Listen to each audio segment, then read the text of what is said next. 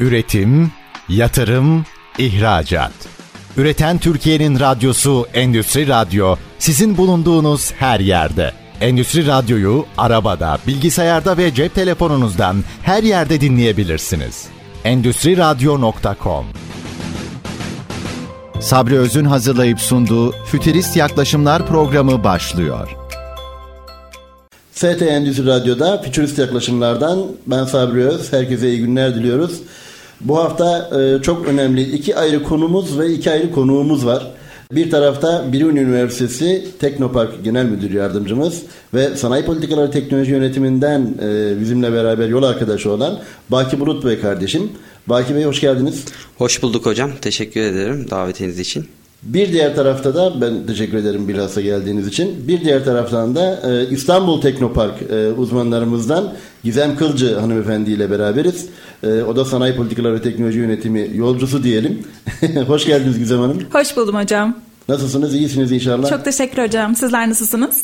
Hemen Baki Bey'e de dönelim. Ben de iyiyim. Teşekkür ederim. Baki Bey de siz de iyisiniz inşallah. Yaramaz bir şey yok.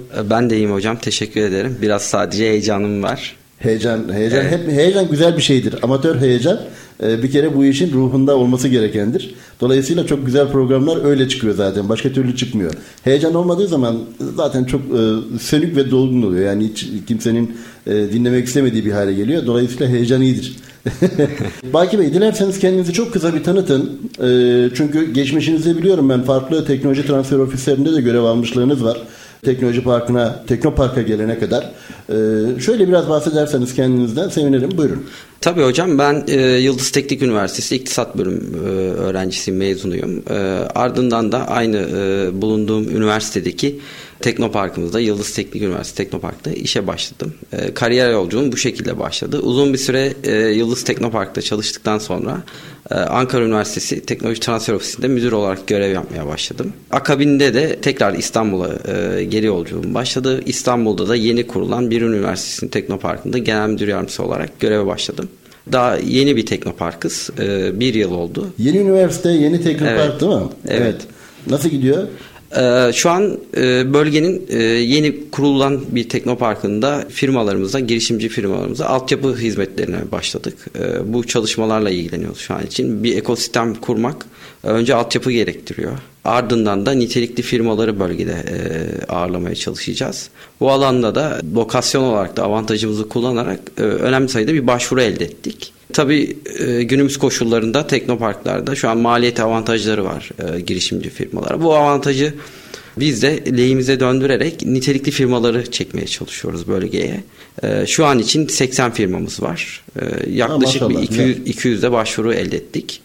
Ee, biz e, şirket Nisan'da kuruldu. Ağustos'ta ilk faaliyete başladık. Firmalarımız bölgede ağırladık. Kuluçka ön kuluçka olarak ayrılıyor herhalde size de değil mi? Evet hocam. E, normal ARGE firmalarımız var. Büyük ölçekli, orta ölçekli. E, bir de kuluçka, ön kuluçka girişimcilerimiz var. Bunlara özel hızlandırma programları yapıyoruz.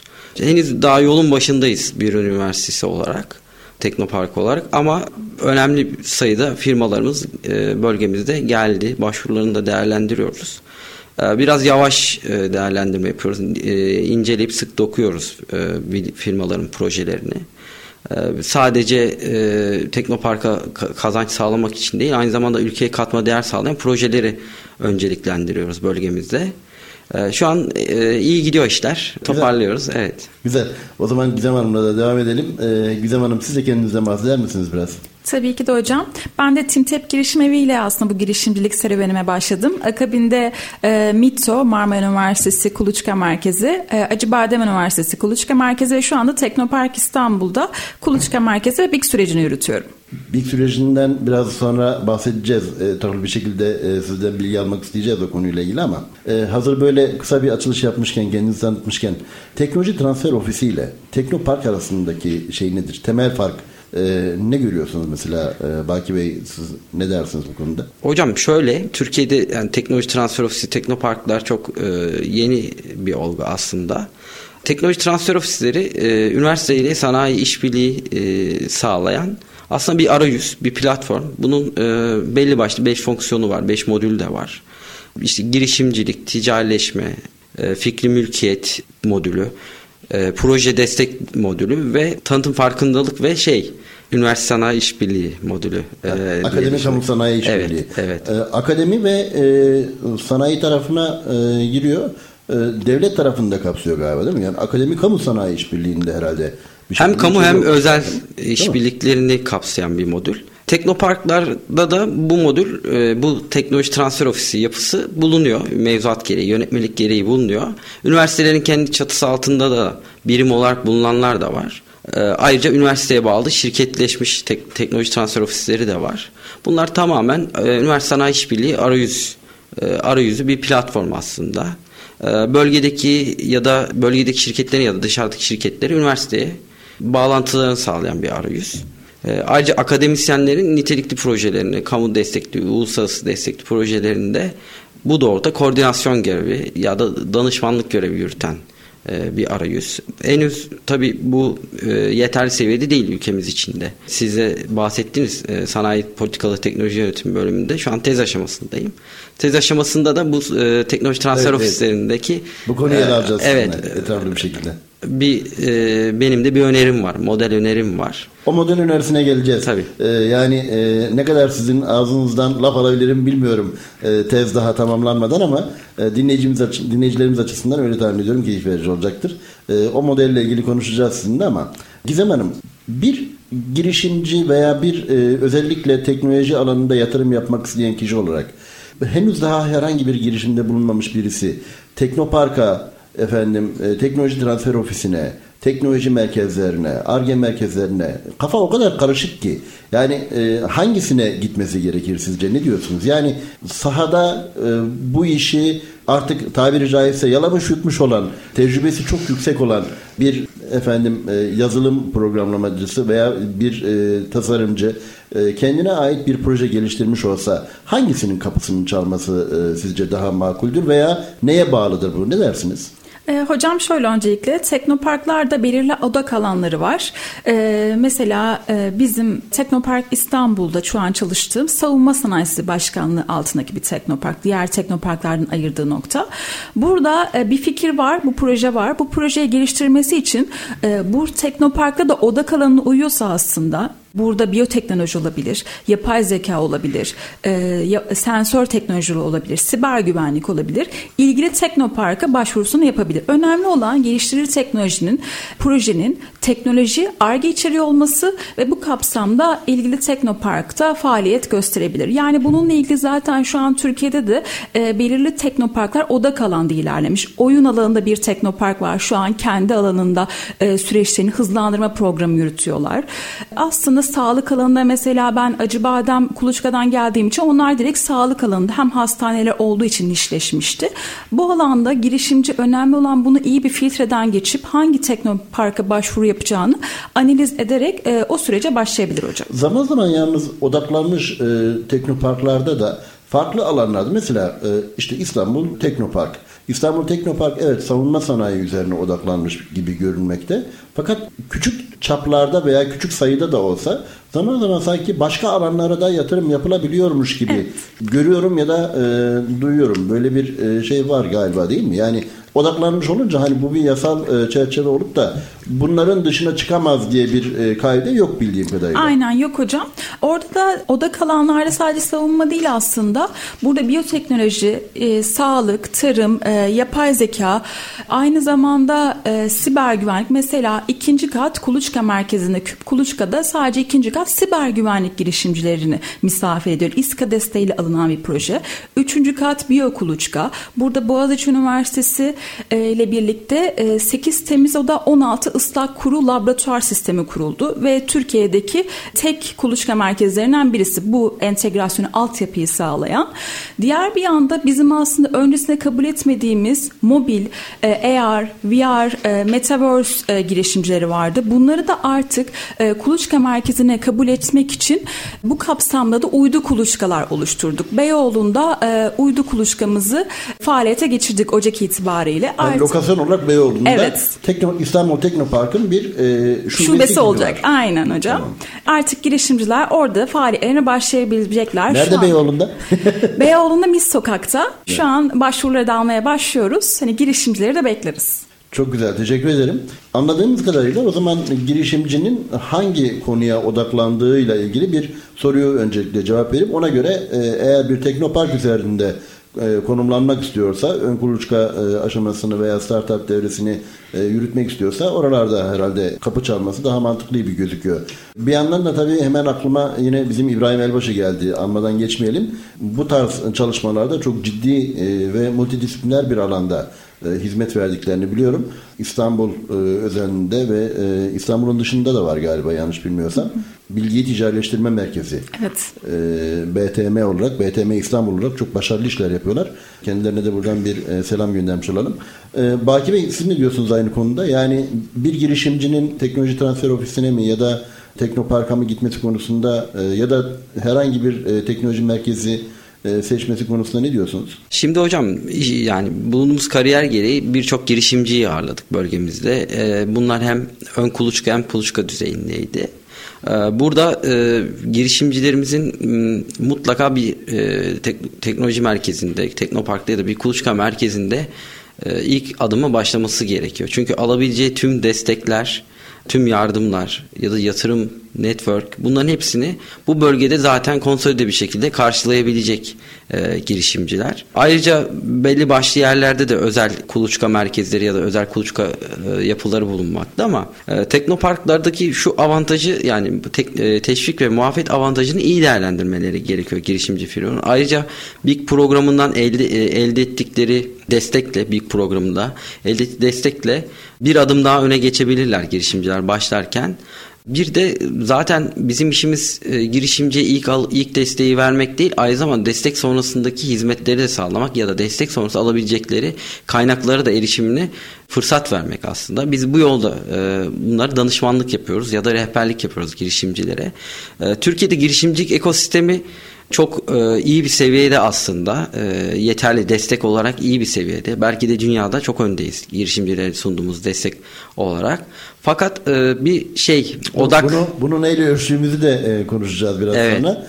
Evet ST Endüstri Radyo'da çok önemli iki konu ve iki konuğumuzla e, yolumuza devam edeceğiz bir aradan sonra ama tabii bu arada özellikle hem Teknopark'ın hem de e, teknoloji transfer ofislerinin e, farklılıklarını ortaya koymak adına hem de onların geliştirdikleri projeler adına projelerin farklılıklarının neler olduğuna dair önemli konuları e, vermeyi e, planlıyoruz. Çünkü e, girişimcilerimizin biraz önce sizin de ifade ettiğiniz gibi evet dünyada önemli bir noktadayız. Özellikle genç e, ve dinamik bir e, nüfusa sahibiz. E, öyle bir jenerasyonumuz var. Sizler de öylesiniz maşallah dinamik bir şekilde bugün e, bizlerle berabersiniz. Sağ olun. Teşekkür ederiz. Dolayısıyla e, böyle bir dinamizmi değerlendirebilmek için e, neleri yapmamız gerektiğini e, ikinci kısma bırakalım. İkinci kısımda tekrar görüşmek üzere diyelim. Üretim, yatırım, ihracat. Üreten Türkiye'nin radyosu Endüstri Radyo sizin bulunduğunuz her yerde. Endüstri Radyo'yu arabada, bilgisayarda ve cep telefonunuzdan her yerde dinleyebilirsiniz. Endüstri Radyo.com ST Endüstri Radyo'da fütürist yaklaşımlar devam ediyor. Biraz önce de ifade ettiğimiz gibi iki konu ve iki konuğumuz var. Ee, hem teknoloji transfer ofislerini hem de tekno, teknoparkları değerlendiriyoruz.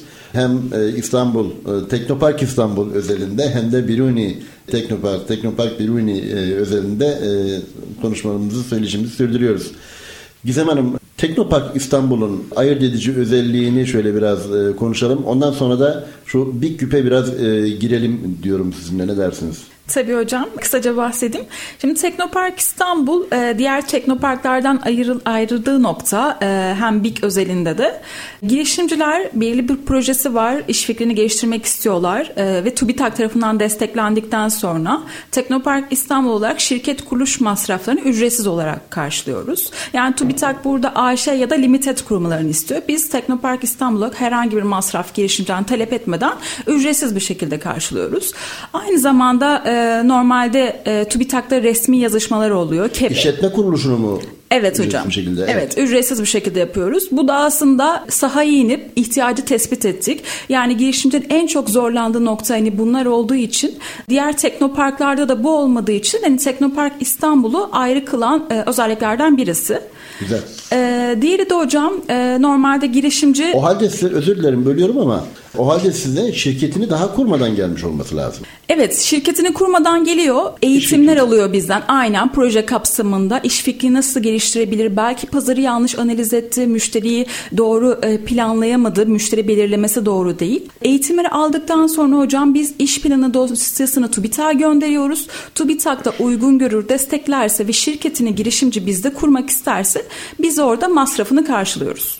Peki TÜBİTAK'ın dışında TÜBİTAK'ın dışında da tabii ki de sunduğumuz olanak var. Zaten Teknopark İstanbul'un kendi içinde network'ü var. Savunma Sanayisi Başkanlığı olduğu için birçok devlet nezdinden ziyaretçi oluyor. Hem konumundan itibariyle. Çünkü Sabiha Gökçen Havalimanı'nın yanında hani ziyaretçiler de olsun yurt dışından gelen ilk uğrak noktalarından birisi oluyor. Diğer tarafta hem yatırımcı konusunda da yatırım özelinde etkinliklerimiz oluyor. Açık kapı etkinliklerimiz oluyor.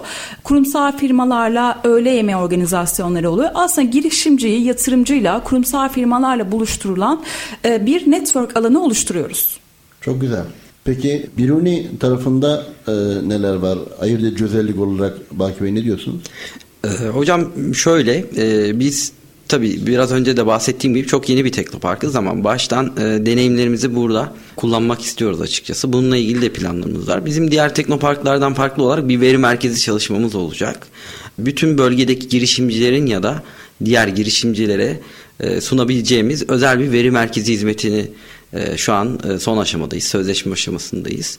Bu veri merkezinde girişimciler cloud sistemleri olsun, sanal santral sistemleri ya da kullanacakları internet yapısı, internet altyapısı ile ilgili biz bu hizmeti vereceğiz girişimci firmalarımıza ve dışarıdaki alabilecekleri hizmetlerden daha düşük bir fiyata ve destekleyebileceğimiz özellikle startuplara, yatırım yapabileceğimiz startuplara da bedava sağlamayı düşünüyoruz biz bu hizmeti.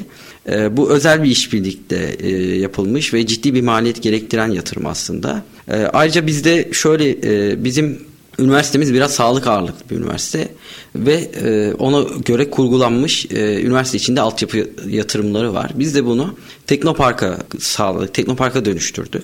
Teknopark'ın e, bir katını e, sadece lab, laboratuvar girişimcilerine ayırdık. Buna göre bir altyapı kurguladık. Aynı zamanda da seçeceğimiz firmalarda bu sektörel e, dağılımı göz ardı etmeyeceğiz. Yani aynı sektörde ya da aynı projede çalışan firmalara aynı lab, labı bir bölümünü vermeyeceğiz. Bunda Tabii. çeşitlilik arayacağız. E, çünkü bizim ülkemizdeki en büyük problemlerden biri gereksiz altyapı yatırımları, gereksiz makine teçhizat yatırımları. Biz bunu e, bölgedeki girişimcilerin bazen denk geliyorum ben. Bir cihaz alıyor proje için. Yanındaki girişimci de aynı cihaz alıyor. Aslında gereksiz bir yatırım bu. E, burada işbirliği protokolleriyle e, bölgedeki tüm laboratuvar altyapısı olan firmaları girişimcilere uygun avantajlarla kullanımını sağlayacağız, destekleyeceğiz.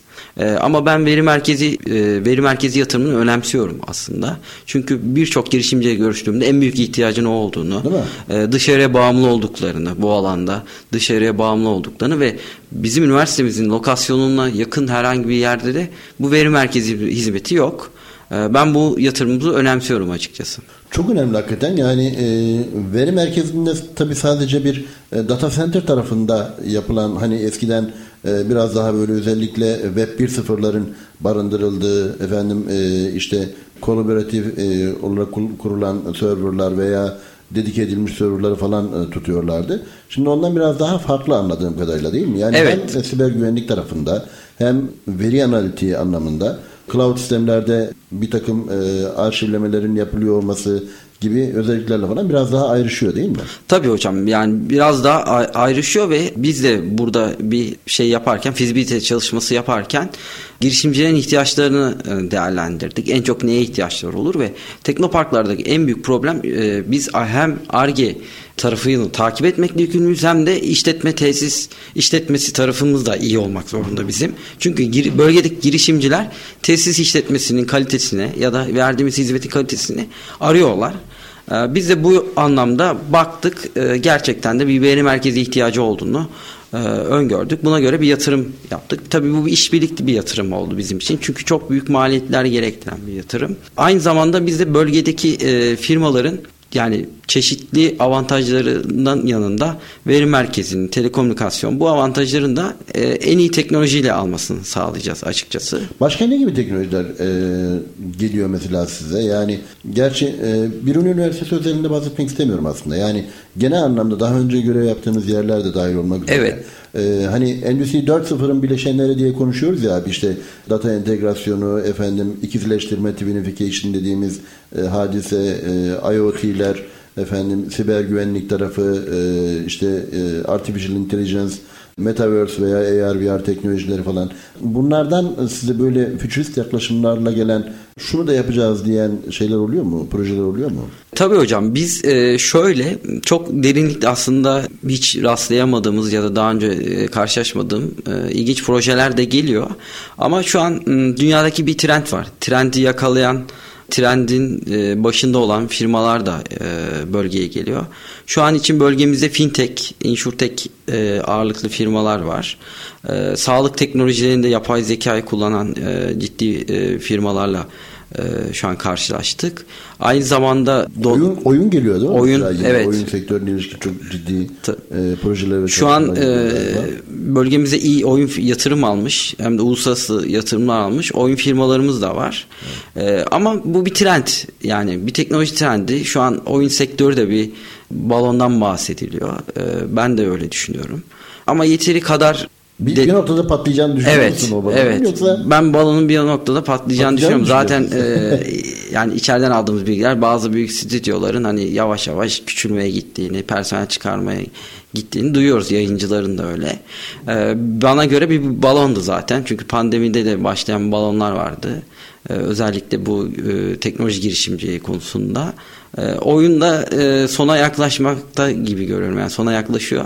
Ee, benim aradığım aslında Türkiye böyle açısından mı düşünüyorsunuz? Dünyada da böyle hocam. Dünyada da e, oyun sektörünün hani bir balon, e, bir trendin bittiğini şey yapıyor, analiz ediyorum, yani gözlemliyorum. Anladım, anladım. Ama e, bizde şu an için özellikle sektörel anlamda gerçekten e, reel, reel sanayide, reel sektördeki tedarikçi olan firmalar özellikle IoT çözümleri olsun, verimlilik esaslı çözümler olsun ve de yeşil dönüşüm için uygun firmalar geliyor. Şu an için yeni trendin o olduğunu gözlemleyebiliyoruz.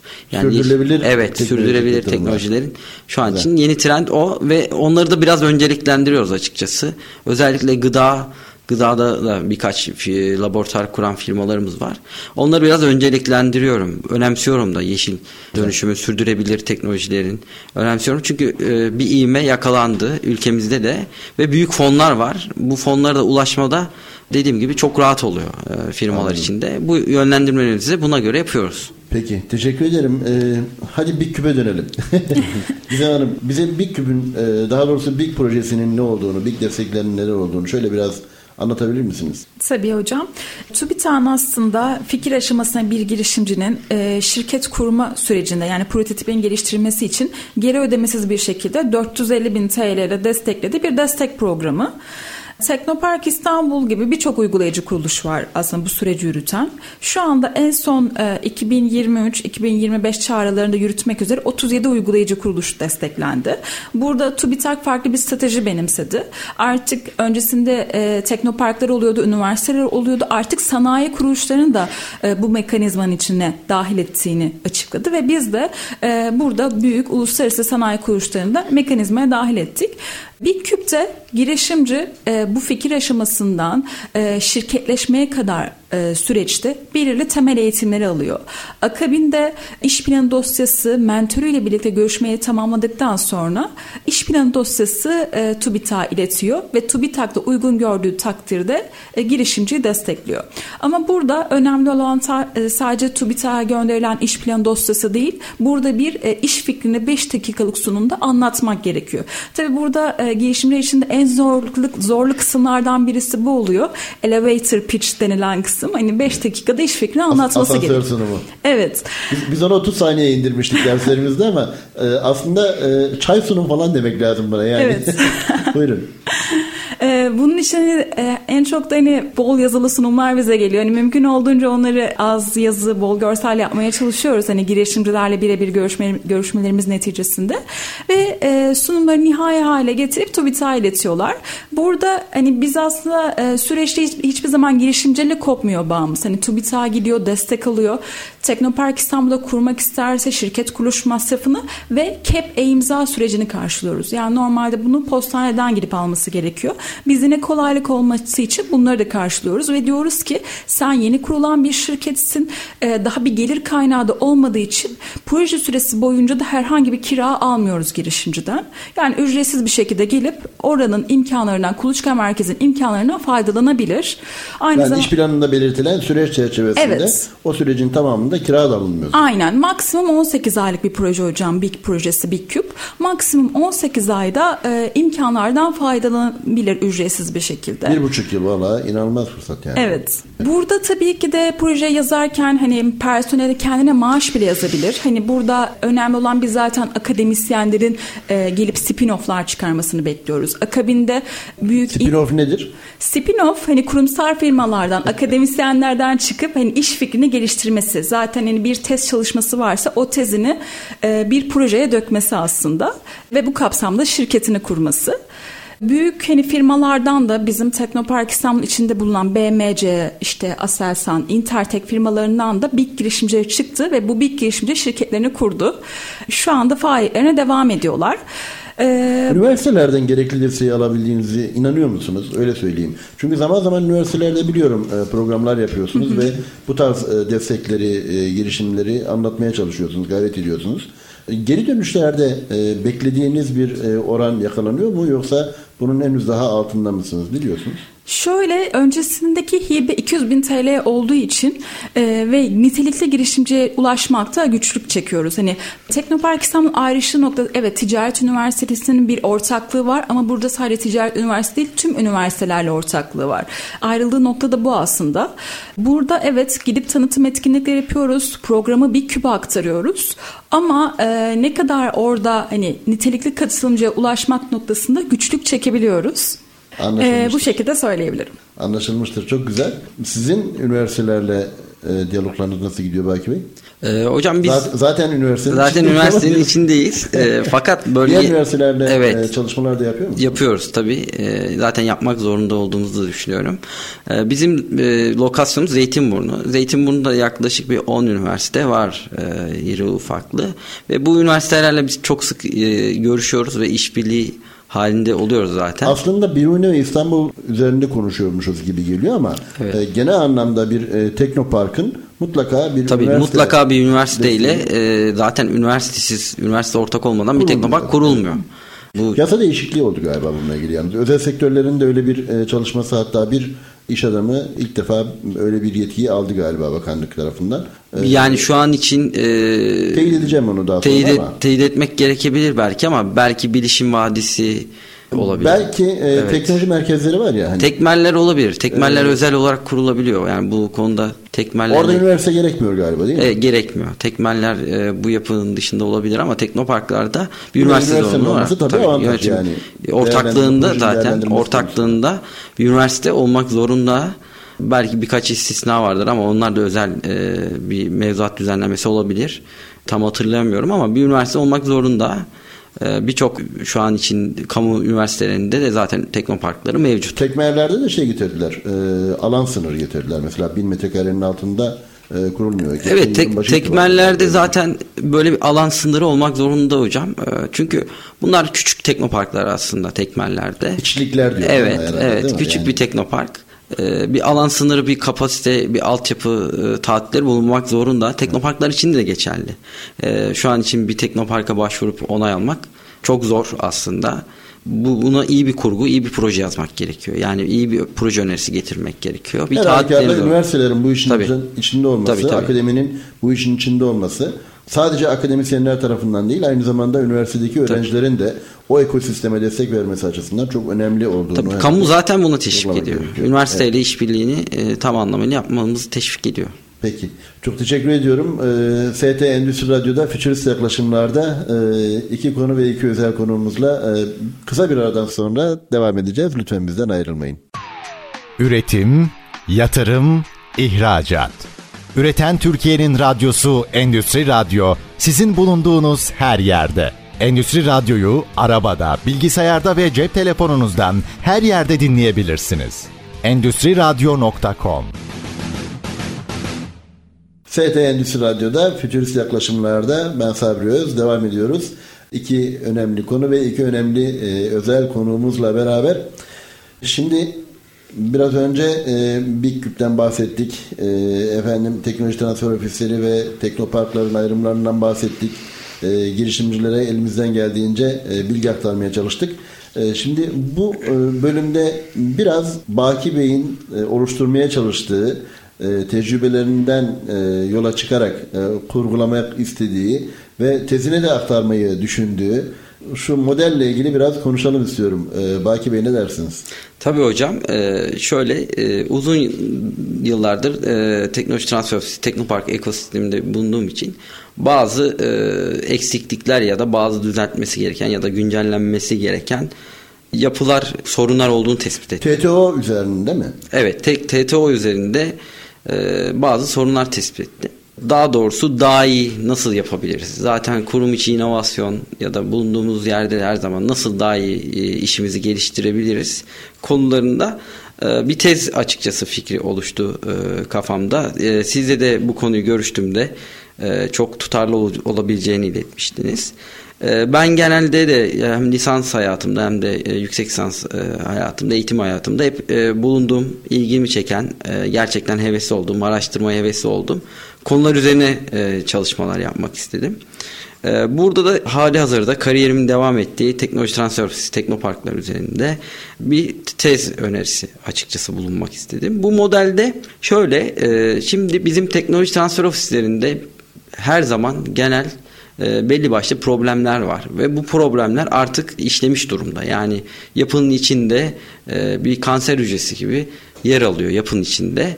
Bunu kökten çözmemiz gerekiyor. Örneğin e, personel yetersizliği, nitelikli personel yetersizliği. En ana problem o mudur? Yani evet, beşeri yani, sermaye mi? Beşeri sermaye. TTO'ların kendilerine ait bir uzman. Çünkü biz meslek yapısında değiliz. Meslek birliğinde de değiliz. Bir mesleğimiz de açıkçası net bir şekilde şudur diyemediğimiz için e, bir aslında bir personel nitelikli personel e, eksikliği her zaman var. Ana sorun bence bu. Çünkü sürekli bir üniversitenin ya da e, bir yapının altındaki TTO'larda sürekli karşılaştığı problem yönetim değişikliği, personel devamlılığı Yönetim değişikliğine geçmeden önce personel eksikliğinde yapılması gereken şey nedir? Çünkü e, sorunu getirip de çözümünü söylemezsek sorunun biz de bir parçası durumuna e, kalıyoruz. Beşeri sermayenin çözümü daha doğrusu teknik, evet beşeri sermayenin genel çözümü eğitimdir diyeceğiz elbette. Eğitim ve öğretim e, alanında yapılması gereken düzenlemeler diyeceğiz ama TTO özelindeki e, eksikliklerin giderilmesi için Sizce ne yapılması gerekir? Yani ee, üniversitelerde bölüm mü açalım e, kardeşim ne diyorsun? e, bölüm açmaktan ziyade hocam e, bölgede yani bölgede ya da TTO'lardaki e, bölgedeki TTO'lardaki en büyük e, karşılaştığımız problem personelin bu alanda çalışmaya başladıktan sonra geleceğini görememesi ya da bir kıdem, bir yükselme ya da bir aidiyetinin olmaması bu mesleğe. Ya sanayiden devşiriliyor e, TTO uzmanları ya da e, bünyeden bir şekilde ilan üzerinden yeteneklerine bakarak ya da e, yetkinliğine bakarak seçiliyor ama uzun yıllardır devam etmiyor açıkçası bu. Sadece e, bütün TTO'lar belli başlı personeller arasında transferlerle aslında teknoloji transferi diyoruz ama TTO'lar arasında personel transferleri de çok olur. Bu şey var olduğu bu, bu normal ama yani Türkiye'nin kendi ekosistemi içerisinde ee, bir e, TTO'da çalışan birisinin başka bir TTO'ya geçmesi ya da bir teknoparka geçmesi şekil bir A. Evet. Ee, gayet normal galiba değil mi? Yani ee, şöyle e, kurumsal hafıza bizim için bizim meslekte çok önemli. Yani bizim iş alanımızda kurumsal hafıza çok önemli.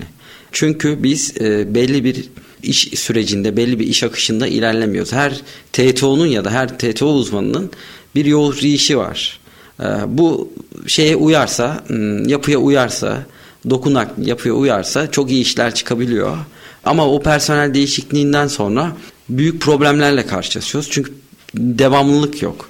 Yani bir projeyi düşünelim. Turnover meselesi tabii yani aslında teknoloji sektöründeki tüm diğer e, firmalar, işletmeler açısından önemli.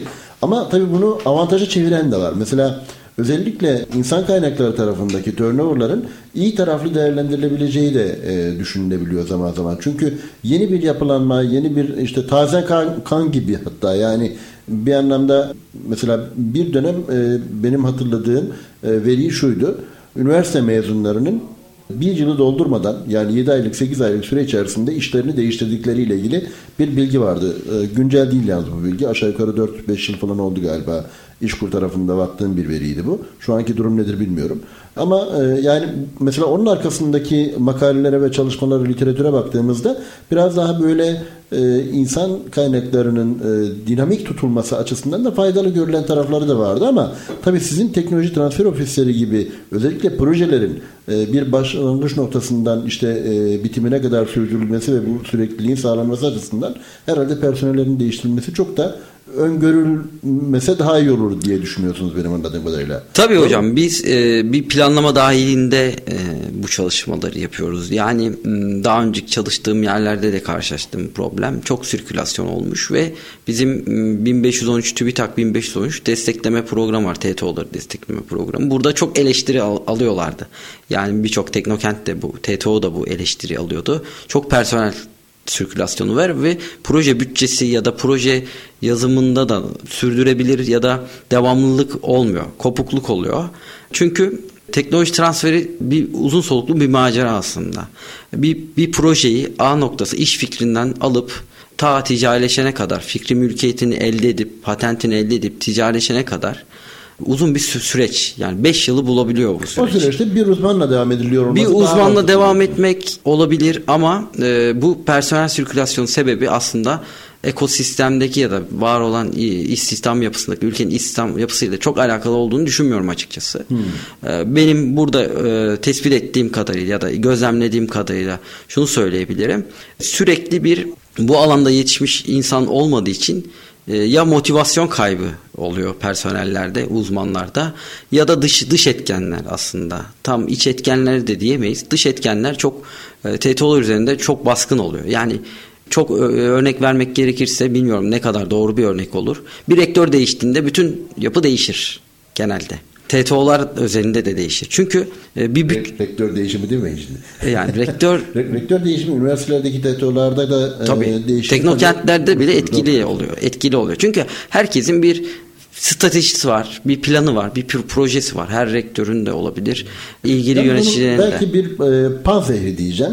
Anonim şirketi tarafından yönetilen TTO durumuna dönüştürülürse o biraz daha bağımsız hale getirilebiliyor galiba. Ee, anonim şirketi olan TTO'lar da var evet. ama yine orada da rektörlerin her türlü bir Canım, ağırlığı oluyor. Yani. Ama ben burada şeyi önerebiliyordum. Mesela tezimde de bundan bahsedeceğim. Sanayici ağırlıklı e, ya da sanayi STK'larının etkin olduğu TTO'lar e, önermek e, hmm, bence evet. daha doğru. Çünkü şöyle yani işin sanayi tarafında tabii. özellikle deneyimlerin e, yoğrulduğu bir odaklanmaya doğru. Tabii yani buradaki ortaklık ya da yönetimde söz sahibi olmak göstermelik değil, kağıt üstünde değil. Yapanlar var ama kağıt üstünde değil. Gerçekten e, ilgi duyan sanayiciyi bulup bu alanda yatırım yapmak isteyen ya da bu alanda bir prestij elde etmek isteyen sanayici bulup e, burada yönetimde e, görevlendirilebilir ya da sanayi STK'ları olur görevlendirebilir. Bu aynı zamanda şeyi de sağlar bize. E, sanayi ile üniversite akademi arasında e, üniversite akademik çalışma arasında bir bağ da sağlar. Organik bir bağ da kurmamıza sebep olabilir bizim Akademik için. kamu sanayi işbirliği dediğimiz evet. o bağın da aslında bir anlamda güçlenmesini de sağlar. Evet güçlenmesini sağlayabilir. Çünkü yapılan akademik çalışmalarda ya da e, projelerde genelde sanayinin ihtiyaçlarından uzak daha doğrusu iki e, makas açılıyor ya da sanayinin ihtiyaçlarına uzak proje değerlendirmeleri oluyor. Proje önerileri oluyor. Hem akademi tarafında hem sanayi tarafında. Çok bir aynı dille konuşmuyor işte. TTO bu dili kurguluyor ama belirli bir yol aldıktan sonra bir iş fikri ortaya çıktıktan sonra TTO da burada buradan sonra artık müdahale edemiyor. O yüzden e, ben bir yüksek lisans tezi yazdığımda, mühendislik alanında bir tez yazdığımda bunu sanayide karşılığının olmadığını görebiliyorum. İşte baştan müdahale etmek gerekiyor buna. E, bu zaten birçok TTO'daki çalışan arkadaşların ya da yöneticilerimizin en Evet, büyük te- tespiti. Teorik ve pratik Evet. e, farklılığı orada Evet, oluştan sonra. evet. E, Burada birkaç tane e, daha önce yapılmış birkaç güzel projeler oldu. E, Sanayi doktora tezleri, santez projeleri TÜBİTAK tarafından projelerimiz oldu. E, Ama bu biraz m, taşıma suyla değirmen döndürmek oluyor. Çünkü sanayici işin içine tam anlamıyla girmiyor. Benim burada önerim de şeydi e, tezimizde de bundan bahsedeceğim. E, Yönetiminde bir anonim ayrı bir yapı, Teknopark'tan da üniversiteden de ayrı bir yapı kurulması e, yönetiminde sanayicilerin söz sahibi olması, kamu, kamu temsilcilerin söz sahibi olması, üniversitedeki temsilcilerin söz sahibi olması ve gerçekten Yani kağıt üstünde olmayan bir ortak. herhalde insan Evet. kaynaklarını Evet. diyoruz. Akabinde de e, yönetim organizasyon yapısının farklılaştırılması Tabii gerekiyor. insan kaynaklarından biraz yarım kaldı. O konudan da bahsetmek isterim. İnsan kaynaklarındaki O çözümü Gizem Hanım'a da bir dönelim. Evet. Siz bitirin buyurun. İnsan kaynaklarındaki çözümü aslında bir akreditasyon, bir eğitim sürecinden geçirip akreditasyon sağlayan otorite e, bir yapı kurmak aslında. E, Şu an kalkınma, kalkınma ajanslarında da bir yapı var. E, Güçlü bir yapı var. Buna benzer bir yapıya dönüştürmek aslında diğer meslek gruplarında da e, bu var. Bir otorite var. Belgelendirme yapıyor. Yani mali müşavir olmak istediğinizde bile ruhsat almanız gerekiyor. Ama TTO'da çalışmak istediğinizde sadece o alana ilgi duyuyorsanız ya da biraz e, yabancı diliniz varsa e, biraz e, o alanda çalışmışsanız çok rahat bir şekilde TTO'da çalışabiliyorsunuz. Network'ünüz de yeterliyse çalışabiliyorsunuz ama Üniversite mezunu olmak herhalde isteniyordur. Evet, evet. Başka? Yabancı dil istenir. Yabancı dil Ee, isteniyor. tercihen daha önce projelerde görev almış personel ya da akademisyen de olabilir. Bunlar genelde görev alabiliyor. Yani bunun bir retoriği, bir sistematiği yok personel seçiminde. Bir eleme yöntemi de yok, bir otorite de yok. Oraya bir kritik analizi ya da AHP analizi yapalım. Evet. E, Gizem Hanım siz ne diyorsunuz insan kaynakları konusunda? Ben burada Baki Bey ek olarak şeyi söyleyebilirim hocam. İletişim. Aslında iletişimi kuvvetli kişilerin de hani TTO personeli Teknopark tarafına e, gelmesi e, daha iyi olur. Çünkü sürekli girişimcilerle ilişkileri iyi olması gerekiyor. Girişimcilerin ihtiyaçlarını çözüm e, sunması gerekiyor. Girişimcileri iyi analiz etmesi gerekiyor. Burada e, belki sosyal becerisi kuvvetli, iletişimi kuvvetli kişilerin hani personel alanında gelmesi e, güçlü faktörlerden birisi olabilir. Peki e, Teknopark İstanbul özelinde şu da yapılsa insan kaynakları açısından daha iyi olur diyeceğiniz bir e, şey aklınıza geliyor mu? Gelmiyorsa direkt paslayın. Baki Bey'e dönüp devam edeceğim modele. Yani şunu diyebilirim. Her teknoparkta hani iyi olsun dediğimiz noktalar vardır iyileştirmesi gereken. Önemli olan hani personelin burada motivasyonu. Çünkü hani bizde de e, Küp tarafında Küp Kuluçka Merkezi'nde 18-20 kişilik bir ekip var. Hani ilk dışarıdan gözlemlendiğinde evet 18-20 kişilik bir ekipsiniz. Hani sadece kuluçka çok hani e, kişisiniz diye bakılabilir ama herkesin burada ayrı ayrı görev tanımı var. Burada e, iyileştirmesi gereken noktalardan e, sürekli evet birileri çıkıyor ama onların yerine birilerini bulmak çok zor oluyor. Hani Baki Bey'in de dediği nokta bu aslında nitelikli personel yok E, ve orada e, kalan kişiye de fazla bir iş yükü düşüyor. Ee, belki Teknopark tarafında hani bunları iyileştirme yaparak belki teşvik ya da başka bir şeyde süreç iyileştirilebilir. Tabii yani insan kaynakları ve beşeri sermaye hakikaten Türkiye'nin önemli problemlerinden bir tanesi. Ee, yani insan kaynakları açısından kendisini yetiştirmiş insanların da zaman zaman liyakati gerektiren noktalarda e, istihdam edilmiyor olması veya edilemiyor olması veya belirli yeteneklere sahip olan kişilerin başka alanlarda değerlendiriliyor olması bir vaka Türkiye açısından. Bu e, önemli ve giderilmesi gereken bir hadise olduğunu e, tam söyleyebiliyoruz. Doğru söylüyorsunuz. Ben çok hızlı birkaç madde madde alabilir miyim e, Baki Bey? Çünkü süremiz çok azaldı. Başka var mı söylemek istediğiniz o modele ilişkin? Ee, Gerçi ya- açmak da istemiyor Evet model ya tabii tezimizi daha henüz e, size de danışman hocam olarak da çok olgunlaştırıp e, şu an için e, literatür taraması ve tez e, önerilerimi, hipotezlerimi yazıyorum şu an için. Daha sonra olgunlaştırıp sizinle de paylaşacağım. Yayınlayacağız da bunu en muhtemelen. önemli iki mesele demek ki En önemlisi iki organizasyon yapısı. organizasyon yapısı, insan ve kaynakların optimizasyonu. Yani burada çok farklı birçok destek kurumu var.